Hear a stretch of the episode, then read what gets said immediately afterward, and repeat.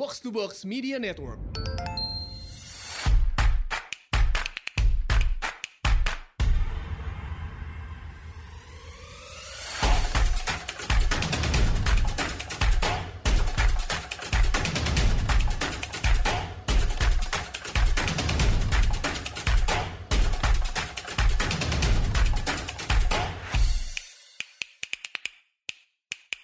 Selamat datang di Asumsi Bersuara. Kali ini gue kedatangan at Dead Weight Loss. Welcome to the podcast nih, Dead Weight Loss.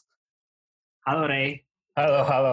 Ini pertama kalinya gue mengundang akun anonim uh, ke Asumsi Bersuara. Tapi sebenarnya Dead Weight Loss ini gak anonim-anonim banget lah. Gue gue kenal orangnya siapa gitu dari zaman kuliah. Dulu dia kuliah di FUI, kemudian uh, lanjut ke University of Chicago ya. Um, yep. Dan sekarang kerja di salah satu lembaga multilateral dan juga banyak berkecimpung di riset-riset ekonomi. Jadi mungkin yang uh, follow di di Twitter rame sih dia, uh, seru banget akunnya at loss uh, di follow gitu ya. Uh, Oke, okay. langsung aja kali ya ke pembahasan kemarin. Kenapa gue ngundang dead weight loss ini? Karena uh, kemarin dia bikin artikel di Medium yang lumayan rame juga terkait isu yang lagi mau kita bahas nih. Jadi baru-baru ini muncul wacana dari Komisi 11 DPR kalau nggak salah ya, uh, tentang revisi UU Bank Indonesia. Dan yang paling utama, yang paling bikin gregetan banyak orang gitu, hampir semua ekonom kayaknya unanimous tentang ini, adalah tentang pembentukan Dewan Moneter yang membawahi Bank Indonesia, diketuai Menteri Keuangan, diketuai uh, pemerintah gitu kan. Dewan Moneter ini katanya akan memimpin, mengkoordinasikan, dan mengarahkan kebijakan moneter sejalan kebijakan umum pemerintah gitu uh, posisi Dewan Moneter ini di atas BI dia jadi problematik nih karena um, biasanya kan Bank Indonesia tuh independen gitu dia tidak dibawahi oleh pemerintah tapi sekarang secara de facto dia jadi berada di bawah kendali pemerintah gitu kan. Ini kan uh, nggak sesuai best practice dan berbahaya gitu. Nanti kita akan akan banyak bahas lebih dalam sama weight loss ini soal soal ini gitu tentang apa yang dia udah tulis panjang juga di di, di mediumnya. Uh, nah tapi sebelum terlalu jauh gitu kan pasti banyak pendengar yang masih masih belum belum apa ya belum dapat feelnya sebenarnya what's the problem gitu kalau misalnya BI uh, under, under pemerintah gitu. Masalah masalahnya di mana dan uh, atau bahkan sebenarnya BI ngapain sih gitu kerjaannya gitu. Mungkin uh, boleh lo coba jelasin dulu nggak ke pendengar kita secara yang mungkin yang masih awam nih. BI itu kerjanya apa dan kenapa dia harus independen gitu? Kenapa dia nggak boleh atau atau kenapa dia at least sampai sekarang nggak di bawah pemerintah gitu? Oke, okay, thanks Ray sebenarnya ini pertanyaan yang menurut gue bagus dan mungkin kurang dijelaskan juga oleh BI dalam komunikasi kebijakannya sendiri. Hmm. Jadi kalau misalkan lu mau, kalau misalnya mau sederhananya, tugas BI itu sebagai bank sentral itu ada dua, yaitu pertama menjaga kestabilan harga, yang dan kedua adalah menjalankan kestabilan, menjaga kestabilan sistem perbankan. Hmm. Nah, interpretasi dari kestabilan harga itu ada dua sebenarnya. Pertama adalah stabilitas harga barang atau misalnya hmm. kita sebut inflasi dan juga stabilitas nilai tukar mata uang asing. Hmm, ya. Nah, gampangnya BI itu coba mengendalikan inflasi itu dengan cara mengontrol jumlah uang beredar atau misalkan mengontrol tingkat suku bunga di sektor perbankan. Nah, pertanyaannya adalah kenapa kok BI harus independen untuk bisa mengendalikan inflasi secara efektif misalnya? Ya, ya. Nah, jawabannya adalah kar karena uh, hear me out ini mungkin sedikit agak agak sedikit belibet tapi tapi ini kayak gue mau mencoba pastikan ini alurnya runut. Pertama ya. adalah karena di jangka pendek, gue sebenarnya bisa mendorong pertumbuhan dengan meningkatkan inflasi. Coba misal, misalkan BI nggak independen dan hmm. pemerintah punya kontrol langsung atas kebijakannya Bank Indonesia, hmm. maka pemerintah sendiri itu punya insentif untuk maksa BI untuk cetak uang atau misalkan beli obligasi negara untuk mendanai defisitnya pemerintah. Hmm. Terutama paling paling mungkin tuh kalau misalnya udah deket-deket tahun pemilu nih. Yeah. Nah, kalau misalkan juga BI nggak independen, pemerintah juga bisa neken-neken BI untuk nurunin suku bunga agar mendorong daya beli masyarakat. Misalkan agar masyarakat bisa lebih banyak KPR, lebih banyak KPA dan segala macamnya. Hmm. Nah, kita tuh bilang bahwa di jangka pendek ini nurunin suku bunga itu bisa atau bantu pendanaan defisit itu bisa bantu naikin pertumbuhan walaupun at the cost of inflation misalkan. Nah, yang jadi masalah adalah kalau di jangka panjang ada yang namanya itu tingkat inflasi dan tingkat pertumbuhan jangka panjang yang optimal. Hmm. Kalau misalnya kita mau pakai ilustrasi, ilustrasi gampangnya deh. Kalau misalnya lu punya mobil atau motor, contoh ya, yeah. mobil motor itu biasanya punya range kecepatan yang ideal. Misalkan contoh misalnya 70 80 km per jam. Ya. Kalau lu nyetir di angka segitu, biasanya tuh mesin lu bakal relatif awet, hemat bahan bakar dan bisa uh, last long lah kita bisa Ya. bilang. Kalau misalnya lu kebelet sekali-kali misalkan pengen ngegas sampai 160, misalnya lu buru-buru banget atau apa kebet pipis misalnya, ya fine-fine aja. Yang jadi masalah adalah kalau misalkan lu terus-terusan maksa mobil ini ngegas, misalkan ngegas 160 km per jam tiap hari misalkan. Padahal tuh idealnya dia cuma jalan 70-80. Hasilnya apa? Mesin lu bakal boros atau yang lebih yang lebih parah adalah kayak bisa jadi justru eh, mesinnya bakal rusak lebih cepat. Nah, Hmm. Mesin mobil ini sama kayak mesin ekonomi karena ekonomi ini mesinnya tuh punya pertumbuhan ekonomi yang ideal sebenarnya. Misalkan contoh pertumbuhan yang ideal di jangka panjang itu misalnya 5%, nah persen kita nggak tahu berapa persisnya. Nah, ta- kalau misalkan BI nggak independen, kita tahu bahwa pemerintah ini sendiri tuh karena mereka tuh pengen menang pemilu, insentifnya pemerintah adalah untuk kejar pertumbuhan setinggi-tingginya. Nah, makanya kan setiap setiap pemilu tuh ada kampanye target oh kita ingin mencapai pertumbuhan 7% Ya, 8%. Mas- masalahnya kalau misalkan di jangka pendek yang paling cepat untuk bisa dorong BI ini bisa dorong pertumbuhan adalah maksa BI untuk kebijakan moneter yang eh, sangat longgar. Hasilnya apa? Kalau misalkan terus-terus kalau misalkan terus-terusan BI dipaksa untuk kebijakan moneter longgar karena pemerintah tuh bisa turut campur kebijakan BI s- on on continuous basis adalah bahwa inflasi bakal jadi tinggi di jangka panjang, iklim usaha nggak nggak sustainable, hasilnya adalah pertumbuhan justru nggak pertumbuhan jangka panjang justru malah nggak tercapai. Malah turun. That's why kenapa kalau misalkan ingin eh, ekonomi itu sustainable di jangka panjang, maka pemerintah itu idealnya adalah pemerintah nggak bisa eh, ngotak-ngatik Bank Indonesia eh, terus-terusan. That- That's why kenapa BI itu perlu independen agar BI ini bisa mengerem impulsnya pemerintah untuk geber pertumbuhan. Jadi BI itu bisa BI punya peran untuk kayak eh, gimana biar menger- mengerem pertumbuhan, menjaga agar dia sustainable. On the other hand, kalau misalkan eh, pertumbuhannya la- lambat, BI bisa step in dan juga kayak bisa mendorong pertumbuhan dengan misalkan cetak uang lebih banyak atau turunin tingkat suku bunga. Kalau misalkan mau tahu lebih detail, misalkan kenapa ada masalah jangka pendek, jangka panjangnya, bisa googling lebih lanjut soal Hmm, misalkan ya. namanya time, time inconsistency. Gue nggak bakal bahas di sini Oke, karena terlalu jauh ya. terlalu jauh. Em, tapi em, yang tadi tadi gue tertarik dengan yang tadi lu sebut bahwa di dalam ekonomi itu mungkin ada satu tingkat pertumbuhan yang eh, apa yang idealnya gitu ya yang idealnya yang sustainable lah gitu bahwa di jangka panjang pun dia akan bisa tahan segitu. Sementara kita kalau kita genjot dengan cetak uang atau dengan eh, menerapkan kebijakan-kebijakan ekspansif tadi tuh em, bisa jadi di jangka pendek lebih kencang dari itu cuman eh, di jangka panjang bisa bermasalah. Tapi kan nggak ada yang tahu Yap. angka angka angka itu berapa. Maksudnya tadi lu sempat sebut siapa tahu 5%, maksud gue apakah BI juga tahu angka pertumbuhan yang idealnya berapa sehingga udahlah kita jaga di sini atau udahlah kita segini aja jangan sampai lebih dari itu gitu. Siapa yang tahu? sebenarnya lu gak bisa bener-bener tahu angka persisnya berapa. Yang lu bisa lakukan adalah paling estimasi dan juga kayak lu fine tuning kebijakannya uh, dari waktu ke waktu. Kalau misalkan uh, lu ngelihat bahwa trennya adalah misalkan kalau tingkat suku bunga saat ini sekian 4% Hmm. misalkan, terus Ya. inflasinya uh, naik uh, naik terus, bisa jadi itu berarti tingkat suku bunganya tuh nggak ideal, maka lu Oke. perlu naikin. Ma- makanya memang penting untuk estimasi angkanya ini sendiri. Nanti ya ini ada tekniknya sendiri sih untuk kalau untuk estimasi berapa tingkat yang ideal ini. Oke, oke. Nah, eh, lebih lanjut nih, kan tadi eh, udah sempat lo sebut juga bahwa eh, mandatnya BI itu kan adalah inflation targeting tadi ya, me- menargetkan satu tingkat harga gitu atau tingkat inflasi tertentu gitu.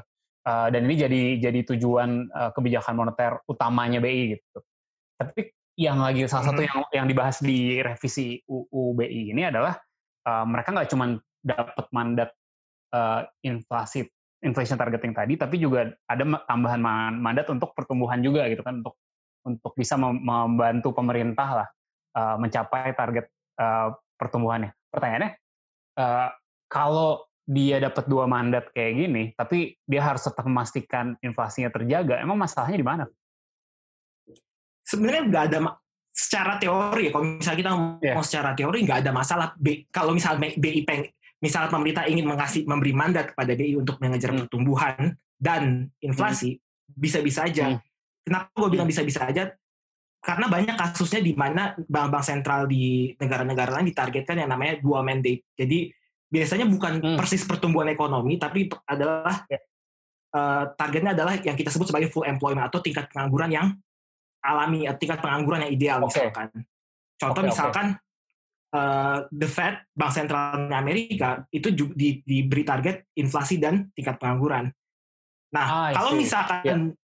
misalkan BI diberi tambahan mandat, justru untuk misalkan untuk ngejar pertumbuhan atau tingkat pengangguran, justru malah bisa lebih selaras uh, dengan tujuannya pemerintah untuk yang karena pemerintah ingin juga mengejar pertumbuhan. Kalau misalnya dikasih mandat dua ini, secara teori kita ngomong secara teori ya, yeah. bisa justru malah bikin uh, apa uh, tuj bisa bikin tujuan BI dan pemerintah lebih selaras. Yeah. Tapi jelas bahwa ada caveatnya sih. Ya. Yeah.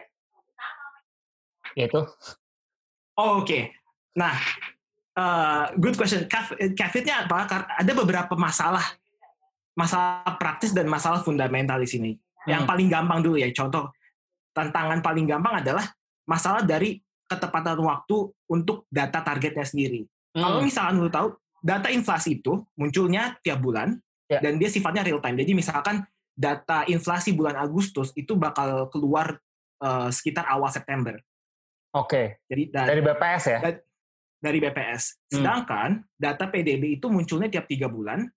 Data okay. pengangguran itu muncul tiap enam bulan. Belum hmm. lagi misalkan oh, ya. data data pengangguran dan data PDB ini biasanya punya uh, jeda waktu dua bulan. Contoh misalkan data PDB triwulan 1 yang berakhirnya bulan Maret ini biasanya baru bakal keluar sekitar bulan Mei. Nah ini berarti kan ada masalah ya, ya, ya. ketepatan waktu. Kalau misalkan, nah padahal padahal rapat Dewan Gubernur ini dilaksanakannya setiap bulan dan kebijakan moneter ini butuh sendiri itu butuh waktu untuk bisa dampaknya terasa dalam perekonomian. Nah, pertanyaannya adalah gimana caranya kebijakan moneter ini bisa efektif kalau misalkan lu pakai data yang sebenarnya udah basi. Telat gitu ya? Jadi kayak telat gitu loh. Jadi kayak udah basi banget data lu kayak uh, padahal lu padahal lu butuh uh, data yang bisa uh, bisa lu pakai sebagai pegangan untuk kebijakan masa de, uh, untuk di masa depan tapi kayak data lu sendiri kayak udah expired oh, tapi gitu. ini ini jadi kayak ini problem problem yang spesifik di Indonesia terkait pengumpulan datanya atau di di seluruh dunia juga gitu data data PDB juga keluarnya nggak setiap bulan juga kalau data PDB itu memang rata-rata keluarnya tiap triwulan. Yeah, uh. Itu standar. Cuma data pengangguran itu di beberapa negara, terutama misalkan contoh uh, federal uh, di Amerika iya. Serikat, yeah. BLS ini merilis data pengangguran itu setiap bulan. Jadi mereka punya non-farm payroll data tuh bahkan kayak ada uh, ada data yang sifatnya mingguan. Jadi kayak lu gampang untuk nge-track uh, angka pengangguran secara real time di Amerika. makanya nah, baru-baru ini baru-baru ini ada apa uh, Donald Trump uh, membanggakan gitu kan berapa juta pekerja apa berapa juta jobs balik ke ekonomi gitu. Itu bulanan yeah. soalnya keluar ya. Iya, itu datanya keluar bisa bulanan. Bahkan kalau kalau misal mau dipaksain ada data mingguan ya di Amerika Serikat. Nah, kenapa di Indonesia nggak bisa? Nah, ya. Karena data kenapa datanya enam bulan sekali? Jadi that's a good question karena uh, satu 60% dari sekitar 60% dari total tenaga kerja di Indonesia itu adalah tenaga kerja informal. Ya. Caranya lu bisa tahu kenapa di Amerika tuh bisa ada data mingguan adalah karena uh, para para employer itu ya tiap minggu mereka kalau misalnya mereka hire misalnya mereka mempekerjakan orang baru, ya mereka bakal langsung lapor ke bakal langsung ya. lapor ke pemerintah bahwa oh ya ini gua gua bakal gue employ orang baru jadi kayak mereka tinggal ngetrack berapa yang berapa yang ditambahin berapa yang dikurangi tenaga kerjanya jadi mereka bisa yeah. keluar data yang sifatnya mingguan sedangkan nah, kalau di ya? Indonesia ya. ya sedangkan untuk pengumpulan data di Indonesia kalau misal uh, pengangguran dulu ini mostly infal jadi caranya lu bisa tahu berapa jumlah pengangguran adalah kayak lu sampling ke lapangan lu survei hmm. sekitar uh, gue lupa deh berapa sih sekitar hampir 200 ribu sampai 1 juta orang di survei uh, setiap enam bulan. Namanya adalah survei uh, Sakernas. Nah, karena Iya, survei sa- susah dong untuk kayak lu bisa apa namanya bulan, betul. untuk untuk bisa bisa tiap bulan karena mahal dan juga nggak nggak nggak ideal juga karena lu harus kayak butuh waktu untuk untuk pengumpulan surveinya. I see. Nah, terkait dengan data ini juga karena eh, terkait dengan data ini juga yang tadi yang gua yang gua bilang bahwa estimasi dari tingkat pengangguran dan tingkat pertumbuhan yang optimal ini lu nggak bisa eh, lu belum bisa estimasi dengan akurat karena datanya tuh sedikit banget. Jadi kan contoh lu punya data setiap, setiap eh, data pengangguran setiap enam bulan. Sedangkan data data pengangguran di Indonesia tuh baru ada sekitar kayak untuk 30 40 tahun misalnya 30 tahun terakhir. Berarti lu cuma punya data pa- paling maksimum 60 60 time series sedangkan kayak lu nggak bisa estimasi angka yang akurat cuma dengan 60 da- data point gitu loh. Jadi ini kenapa ya. juga ada masalah tapi ini masalah yang sifatnya lebih teknis lah kita bisa bilang karena Ya. secara teori kalau misalnya lu punya punya data yang lebih bagus lu bisa menyelesaikan ini. Tapi ada masalah ya. yang lebih sifatnya fundamental. Itu Oke. adalah eh, karena eh, mandat untuk pertumbuhan ini bertentangan dengan mandat BI satu lagi untuk menjaga stabilitas nilai tukar. Nah ini Hmm, mungkin kayak bingung lah, kenapa kenapa kedua mandat ini tuh bisa bertentangan? Kalau misal lu di konsep ekonomi moneter ada yang namanya eh, impossible trinity. Oke. Ya, jadi bank sentral itu cuma bisa milih dua dari tiga kebijakan. Misalkan eh, ada ada lu pilih lu pilih dua dari tiga kebijakan berikut. Pertama adalah nilai tukar yang tetap, yang kedua adalah arus modal asing yang eh, keluar masuk bebas Bebas. Ya. atau kebijakan moneter yang bebas dan berdaulat. Lu kalau misalnya pilih dua, lu nggak bisa pilih satu lagi. Ya. Nah, kalau misalkan karena kita pengennya memang arus modal asing tuh masuk keluar relatif bebas lah. Ya. Maka pilihan untuk BI adalah antara membiarkan nilai rupiah itu mengambang bebas atau misalkan pemerintah nggak nggak usah otak atik nilai tukar rupiah Hmm. atau misalkan BI lepas kontrol atas pertumbuhan ekonomi. Lu nggak bisa pilih dua-duanya, lu harus pilih salah satu. Nah, kenapa BI itu harus dihadapkan pada dua pilihan ini? Karena eh, kalau misalkan BI pengen dorong pertumbuhan ekonomi, misalkan ya, Ya. BI BI eh, kebijakan yang BI lakukan adalah adalah secara agresif menurunkan suku bunga atau Hmm. misalkan cetak uang. Ya. Kalau misalkan lu nurunin eh, nurunin suku bunga atau cetak uang, hasilnya adalah lu bakal menyebabkan rupiah melemah Melemah. terhadap mata uang asing. Melemah. Oke, iya betul. Ah, Nah, melemah. As- ini jelas do- bertentangan dong dengan dengan eh, goal untuk kestabilan nilai tukar. Kalau misalnya lu agresif nurun suku bunga hasilnya adalah lu terdepresiasi, berarti Ya. Ya gimana? Lu harus ya padahal padahal re- relatively speaking cadangan devisa Indonesia juga biasanya nggak cukup eh, nggak cukup besar untuk kayak bisa menjaga. benar-benar nahan nilai Bentar. tukar di, di, di angka yang fix. Bentar, gue mau Jadi ya lu harus pilih. Oke. Gue mau stop di situ. Bukankah bukankah stabilitas nilai tukar itu yang dimaksud adalah supaya tidak terlalu fluktuatif, tapi bukan berarti mencegah depresiasi atau apresiasi ya kan bisa aja kita sempat 10 ribu, kita sempat 15 ribu, tapi yang dijaga oleh BI jangan sampai terlalu cepat dia volatile uh, naik turun kan. Cuman Ya. uh, BI nggak nggak masalah kan sebenarnya kalau misalnya uh, nilai rupiah terdepresiasi ke berapa, terapresiasi ke berapa, as long as dia um, nggak terlalu volatil gitu, bener nggak? Iya.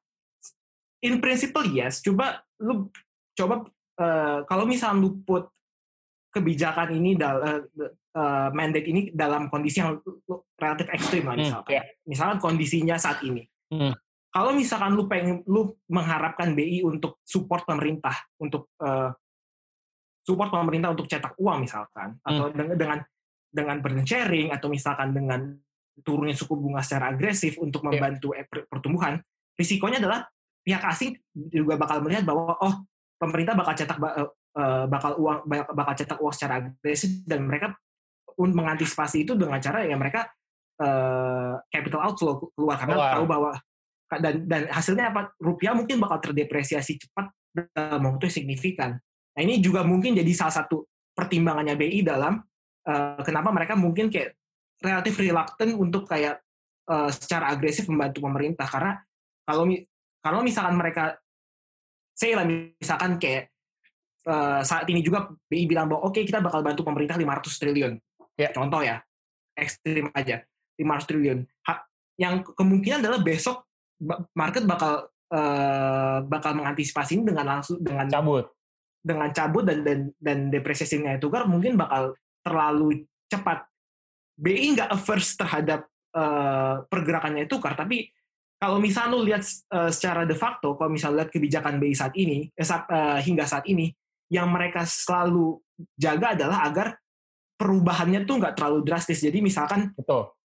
nggak dari kalau mereka nggak nggak averse dengan rupiah bergerak dari 10.000 ribu lu kalau misalnya masih inget di 2011 tuh rupiah itu sekitar 9 ribu Ya. sampai saat ini 15 ribu mereka nggak masalah kayak rupiah terdepresiasi sejauh itu selama selama dia terdepresiasi dalam jangka waktu yang eh, dalam jangka waktu yang panjang jadi kayak mereka selama pergerakannya landai mereka nggak apa-apa Ya. cuma again kalau misalkan lu di dalam kondisi ekstrim kayak gini di, mana lu pengen lu butuh extreme policies lu harus milih either one or the other Ya. there's no there's no other way Bentar, berarti yang tadi itu berarti lebih terka lebih kaitannya dengan eh, kepercayaan investor asing dong ya? Eh, atau kepercayaan investor pada umumnya lah ya terhadap I- terhadap BI. Ya, karena kaitannya em, depresiasinya terjadi karena orang udah nggak percaya lagi gitu kan dengan in- independensinya BI, bener? sebenarnya yes and no karena ada juga kalau misalkan lu kayak misal misalnya dalam konteks eh, ekonomi bahkan kalau misalkan pun investor tuh eh, percaya nilai eh, punya kepercayaan terhadap Bank Indonesia ketika ketika suku misalkan lu nurunin suku misalkan contoh saat ini suku bunga lu ada di tingkat sama dengan tingkat equilibrium suku bunga dunia misalkan ya Hmm. kalau misalkan lu agresif nurunin bahkan ketika investor tuh percaya bahwa lu uh, tetap independen kalau BI nurunin secara uh, agresif artinya apa nilai uh, semua semua aset dalam rupiah ini jadi less uh, Valuable. less val- le- less valuable lah kalau misalnya kita bilang sehingga untuk uh, sehingga market mechanism bakal secara uh, Betul. bakal secara otomatis bakal adjust uh, dengan situasi ini dengan cara ya mereka keluar sedemikian hingga kayak uh, tingkat suku bunga uh, tingkat suku, suku bunga real di Indonesia itu bakal sama dengan global equilibrium. Iya, iya. Mem- Mendepresiasi nilai tukar kita gitu kan jadi as a result. Yap. Gue mau gue mau nanya ah, gini balik ke soal ide dewan moneter ini ini kan kalau nggak salah awalnya ba- balik-balik adalah supaya harmonis gitu dengan kebijakan pemerintah misalnya kan misalnya pemerintah lagi mau kebijakan fiskal ekspansi kalau BI-nya justru kontraksi maksudnya BI-nya justru me, apa justru meningkatkan suku bunga gitu ya itu kan efeknya bisa bisa jadi nggak tercapai tuh gitu. nah the concern is gimana caranya lu bisa tetap harmonis sama pemerintah tapi nggak mengorbankan kaidah-kaidah yang yang benar gitu best practice-nya gitu. Ada ada nggak cara kayak eh, ada nggak eh, supaya bisa tercapai nih yang diharapkan gitu supaya supaya mereka lebih align with one another tapi nggak jangan sampai jadi bahaya juga gitu.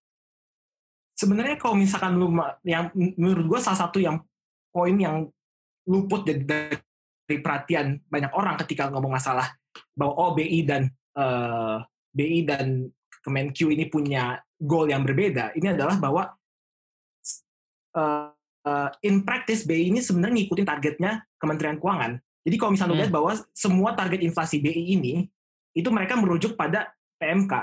Jadi kalau misalnya lu misalnya lu Sorry, PMK apa ya? ke peraturan Menteri Keuangan. Oh peraturan Menteri Keuangan. Oke oke. Jadi mereka sebenarnya toh goal ta- targetnya itu mereka udah sama da- dari dari dari awal. Jadi kayak pemerintah menetapkan ah target inflasi sekian, ya udah. Hmm. Berarti seharusnya kalau misalnya mereka memang eh, apa namanya itu mereka memang berkomunikasi untuk kayak masalah kebijakan from day to day dengan adanya cukup dengan adanya kebij- eh, target yang selaras ini ju- lu nggak perlu sampai BI eh, sampai Kementerian Keuangan ikut campur dalam eh, dal- dalam kebijakannya BI dan sebenarnya kalau misalnya ngomong insentif yang bertolak belakang ini ini balik lagi de- eh, dengan diskusi tentang masalah eh, mandatnya BI jadi insentif BI itu bertolak belakang dengan pemerintah karena memang desain peraturannya emang demikian. Mandatnya BI itu cuma kestabilan harga.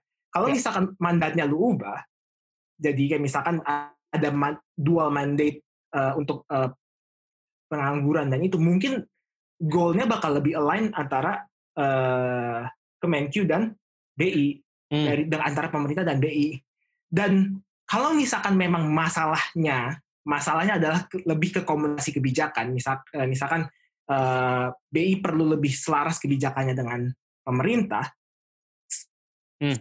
kerangka kebijakan saat ini sudah memungkinkan itu karena apa pertama uh, BI, uh, ke, Menteri Keuangan saat ini sudah bisa ikut rapat Dewan Gubernur BI, Men hmm. Menko juga demikian. Dengan UU BI saat ini ya, yeah. Ya. uh, mereka juga berkomunikasi uh, dari waktu ke waktu lewat jalur formal dan jalur informal, dan mereka juga sama-sama uh, berada di uh, Komite Stabilitas Sistem Keuangan. KSSK jadi, itu ya. Jadi kalau misalnya dari segi secara institusi mereka sebenarnya memang banyak banyak bersinggungan dan mereka seharusnya kalau misalkan mereka pengen memang pengen bekerja sama atau misalkan mereka mau lobby satu sama lain, ya mereka cukup dengan uh, komunikasi kebijakan dan target yang sifatnya formal lewat rapat atau misalkan secara informal.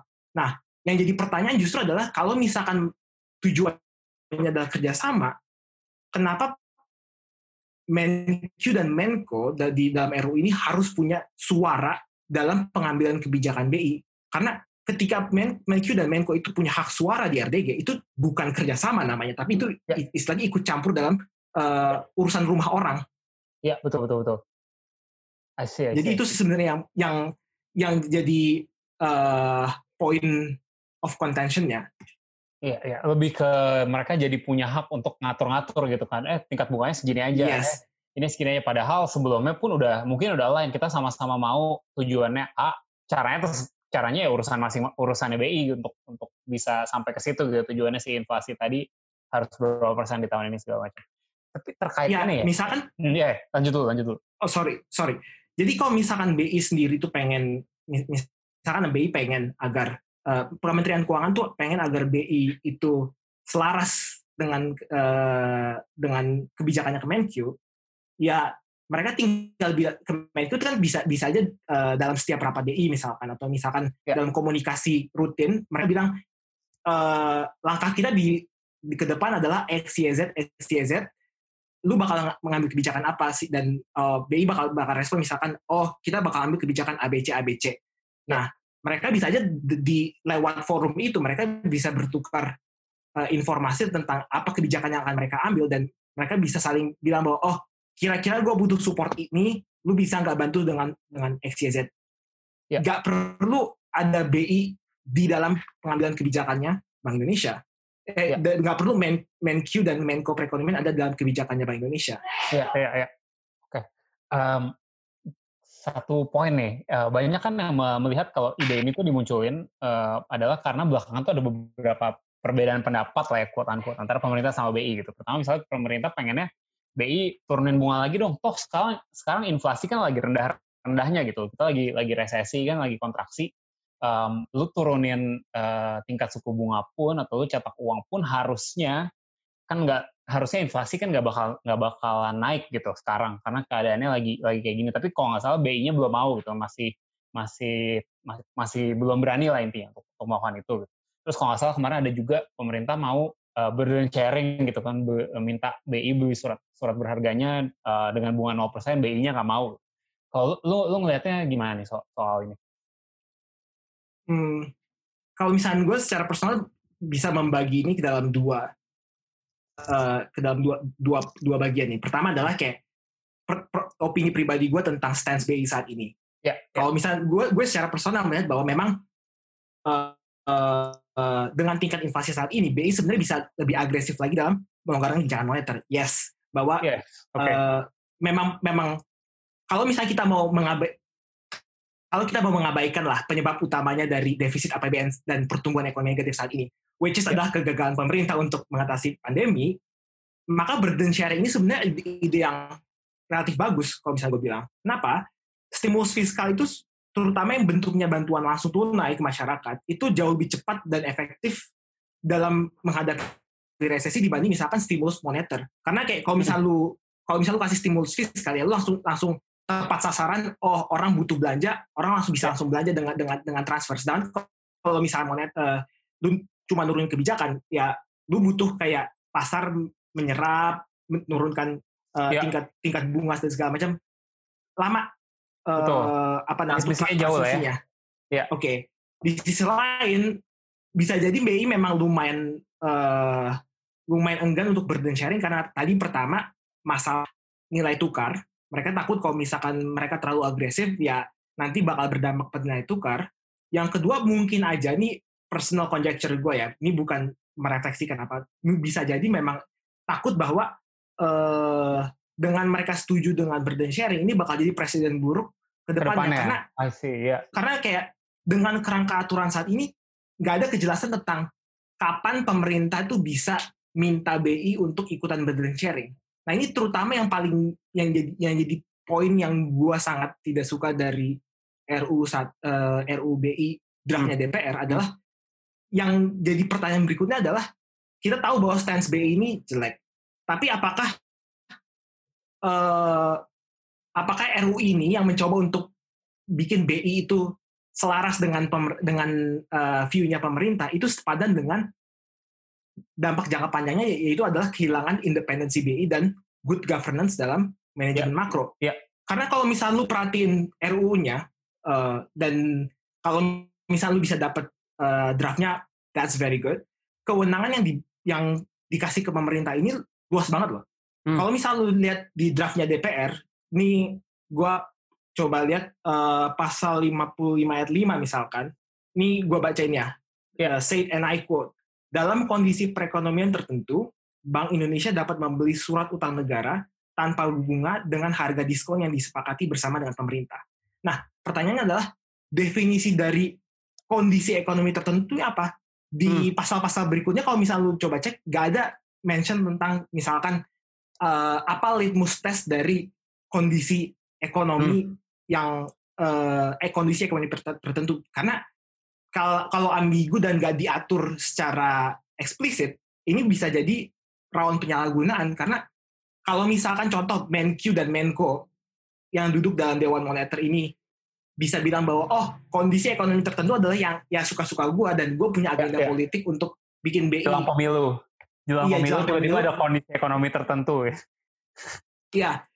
Ya, dan yang paling kalau misalkan eh, again kalau misalkan mau contoh eh, drama anta- drama soal independensi dan tekanan dari bank sentral eh, paling yang contoh kasus paling recent menurut gua adalah contoh kasus di India. Ini Hmm.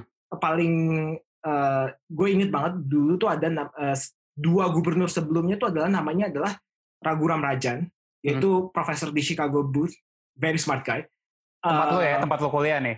Makanya lu belain. Oh, oh enggak enggak sih ini kayak dia di sekolah Chicago Booth bukan bukan Department of Economics loh, jadi kayak be- beda Oke, beda oke, oke. beda institusi. Beda institusi, oke, oke. Anyway, dia dulu dia sebelumnya di IMF dan dia juga jadi eh, sekitar dari 2013 sampai 2016 dia jadi gubernur Reserve Bank of India. Iya. Nah 2014 eh, itu masuk pemerintahnya Narendra Modi dan Menq-nya tuh namanya adalah eh, Arun Jaitley. Nah dari 2013 ke 2016 ini kayak sebenarnya track recordnya dari eh, Narendra Modi ini, eh, track recordnya dari Raghuram Rajan ini lumayan bagus karena inflasi India tuh turun dari sekitar 11 persen, Hmm. itu turun ke level sekitar 2-3 persen. Ya. Karena mereka memang dia strict banget dalam, dalam inflation uh, targeting. Masalahnya ketika ketika dia terlalu strict, uh, pemerintahnya nggak nggak suka dong karena kayak Betul. pertumbuhan nggak pertumbuhan nggak bagus nih Ya. Ka- karena lu terlalu uh, karena lu terlalu terlalu strict dalam inflasi akhirnya yang terjadi apa walaupun track recordnya bagus mereka si uh, Raghuram Rajan ini nggak dipilih kembali jadi gubernur instead mereka nunjuk gubernur-gubernur lain yang walaupun sebenarnya mereka ini juga lumayan uh, mencoba membela independensi bank sentral mereka tetap tunduk ke uh, Modi. tekanan politik yang kuat dari eh, pemerintahnya Modi ini sehingga apa yang terjadi mereka turunin suku bunga bah- walaupun kayak sampai tahun 2000 sampai awal 2020 tuh kayak bisa bisa lihat tren inflasinya naik lagi dari 3% ke ha- angka hampir 10%. I see. Is that good? I don't know. Ya, ya, ya. Oke, oke.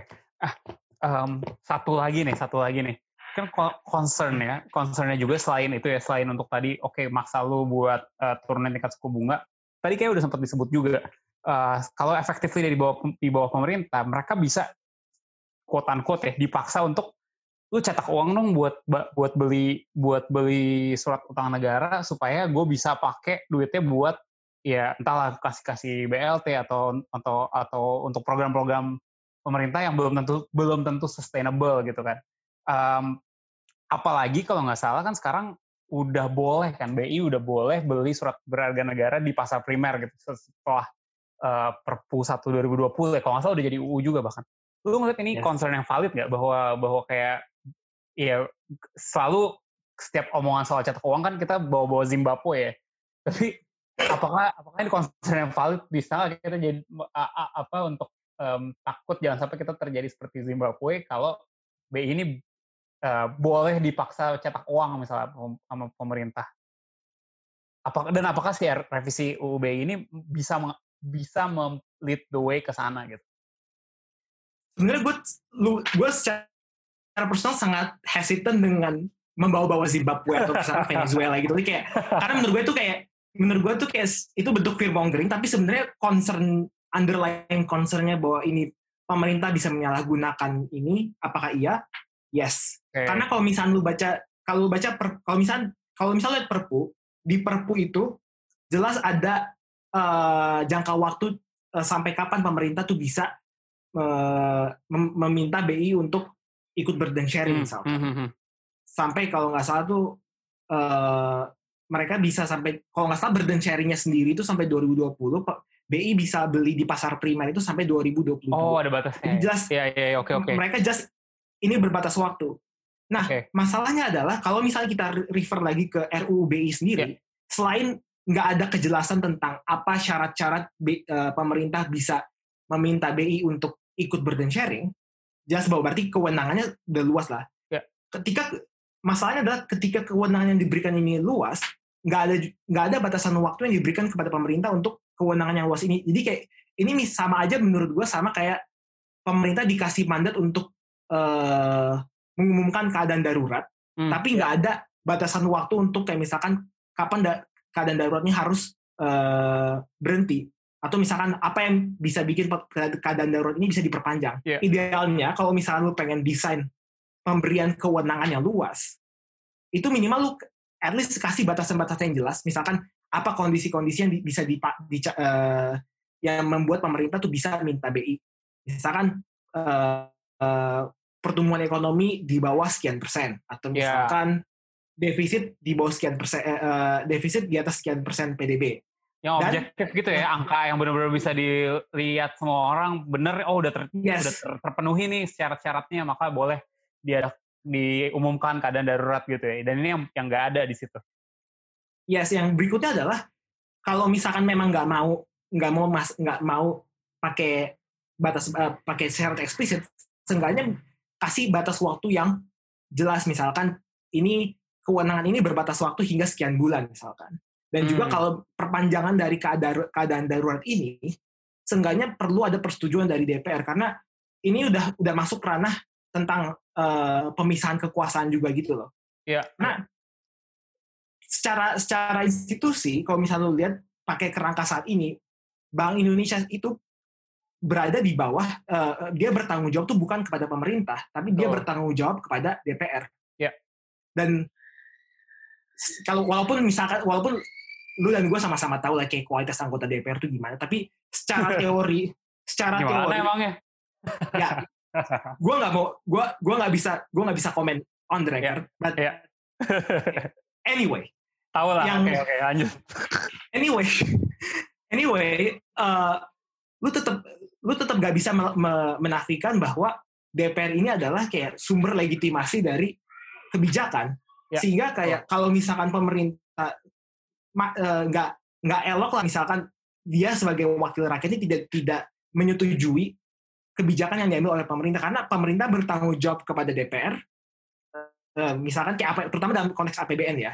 ya karena kan yang menyetujui APBN juga DPR maka secara pembagian kekuasaan kayak uh,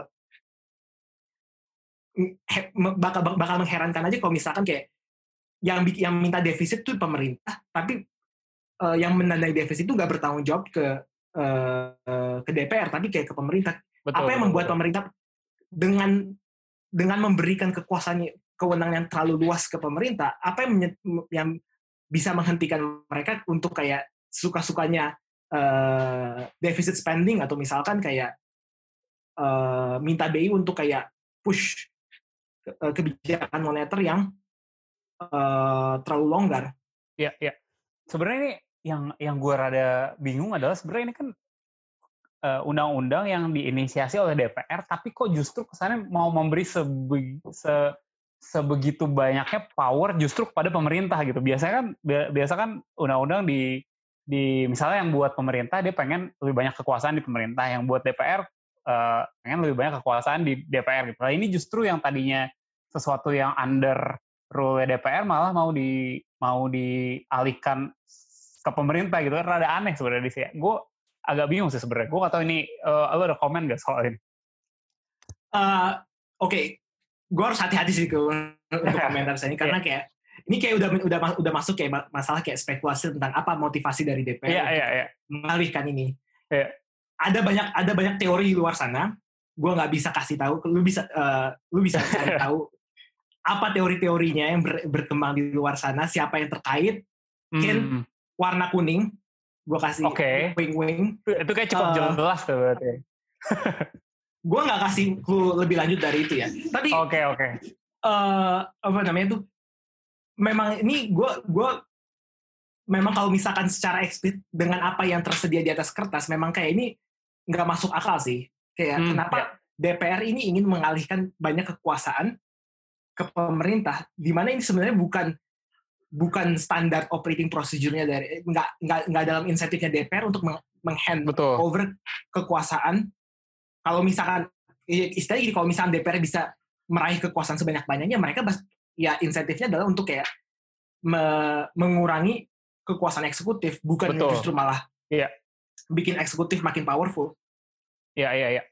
Em, mungkin terakhir ya eh, pertanyaan pertanyaan pamukas gue seperti biasa adalah ada lagi nggak nih eh, bank debt weight loss yang kayaknya penting untuk disampaikan ke pendengar asumsi bersuara nih terkait kebijakan moneter, terkait dewan moneter ini dan RU, revisi RUU BI ini lah.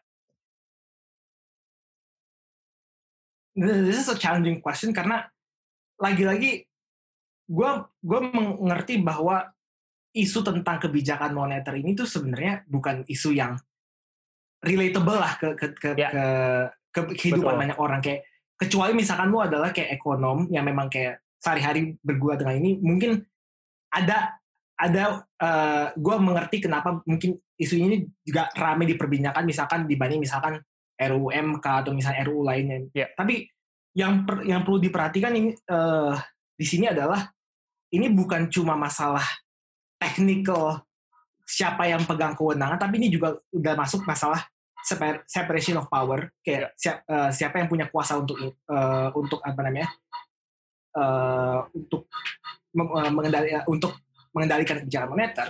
Dan gua nggak eh, please so so please kayak kalau misal lu punya waktu please educate yourself tentang masalah kebijakan moneter nih eh, normatif banget sih gua gua ngerti apa-apa.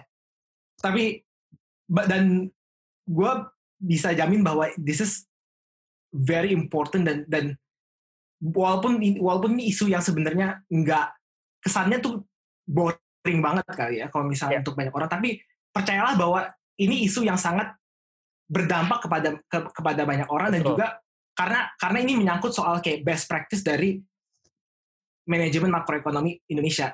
Ada Betul. alasan kenapa 20 tahun yang lalu tuh kayak eh, DPR itu mengesahkan undang-undang independensi BI karena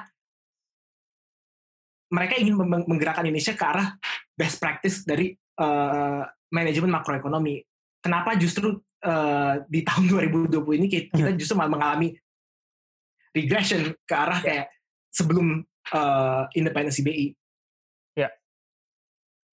Oke, itu poin penting banget sih yang tadi lu sebutkan bahwa ini jauh lebih dekat kehidupan kita daripada kita uh, pikir gitu kan karena yes. ya, lu, lu mana tahu kalau misalnya besok tiba-tiba inflasi jadi kayak di tahun 60-an gitu yang yang bulan depan bisa harga dua kali lipat gitu ya itu kan sangat akan ngaruh ke hidup lu gitu walaupun yes. aneh sekarang kayak apaan sih kalau mau apa uh, tingkat bunga 5%, 6%, 4%, apa ngaruhnya ke hidup gue bisa jadi sangat ngaruh gitu ke yes. uh, di, di masa depan kalau misalnya uh, ini tidak tidak di, diurus dengan kaidah-kaidah yang prudent gitu. Dead weight loss, thank you banget yes. atas waktu lo uh, udah hmm. mengeducate. Ini bagian dari orang-orang mengeducate diri sendiri tentang kebijakan ekonomi ini sebenarnya. Uh, uh, Semoga dengerin dead weight loss. Yeah. Oke. Okay. Thank, thank you very much juga Reike ya untuk memberikan platform karena gue tahu bahwa ini gue kalau misalnya lihat line up line up sebelumnya kayak, ini mungkin kayak ini narasumber yang paling gak jelas sih ini siapa coba kayak siapa dia Nggak. bisa kayak nggak apa-apa ngomong-ngomong soal gue percaya soal sama dead weight loss jadi gue gue berikan lah platform ini oke okay, uh, thank you okay. banget sekali lagi. Buat yang udah dengerin jangan lupa uh, follow asumsiko follow box to box ID dan follow at dead dead weight loss ya. Eh by the way belum belum sempat jelas ini dead weight loss itu apa sih sebenarnya?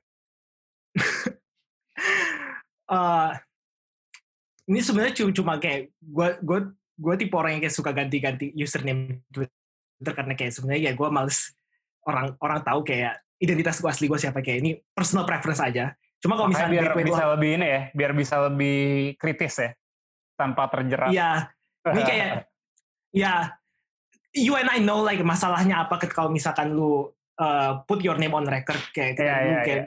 terlalu kritis misalnya. Yeah. Nah, tapi dead weight loss itu apa nih?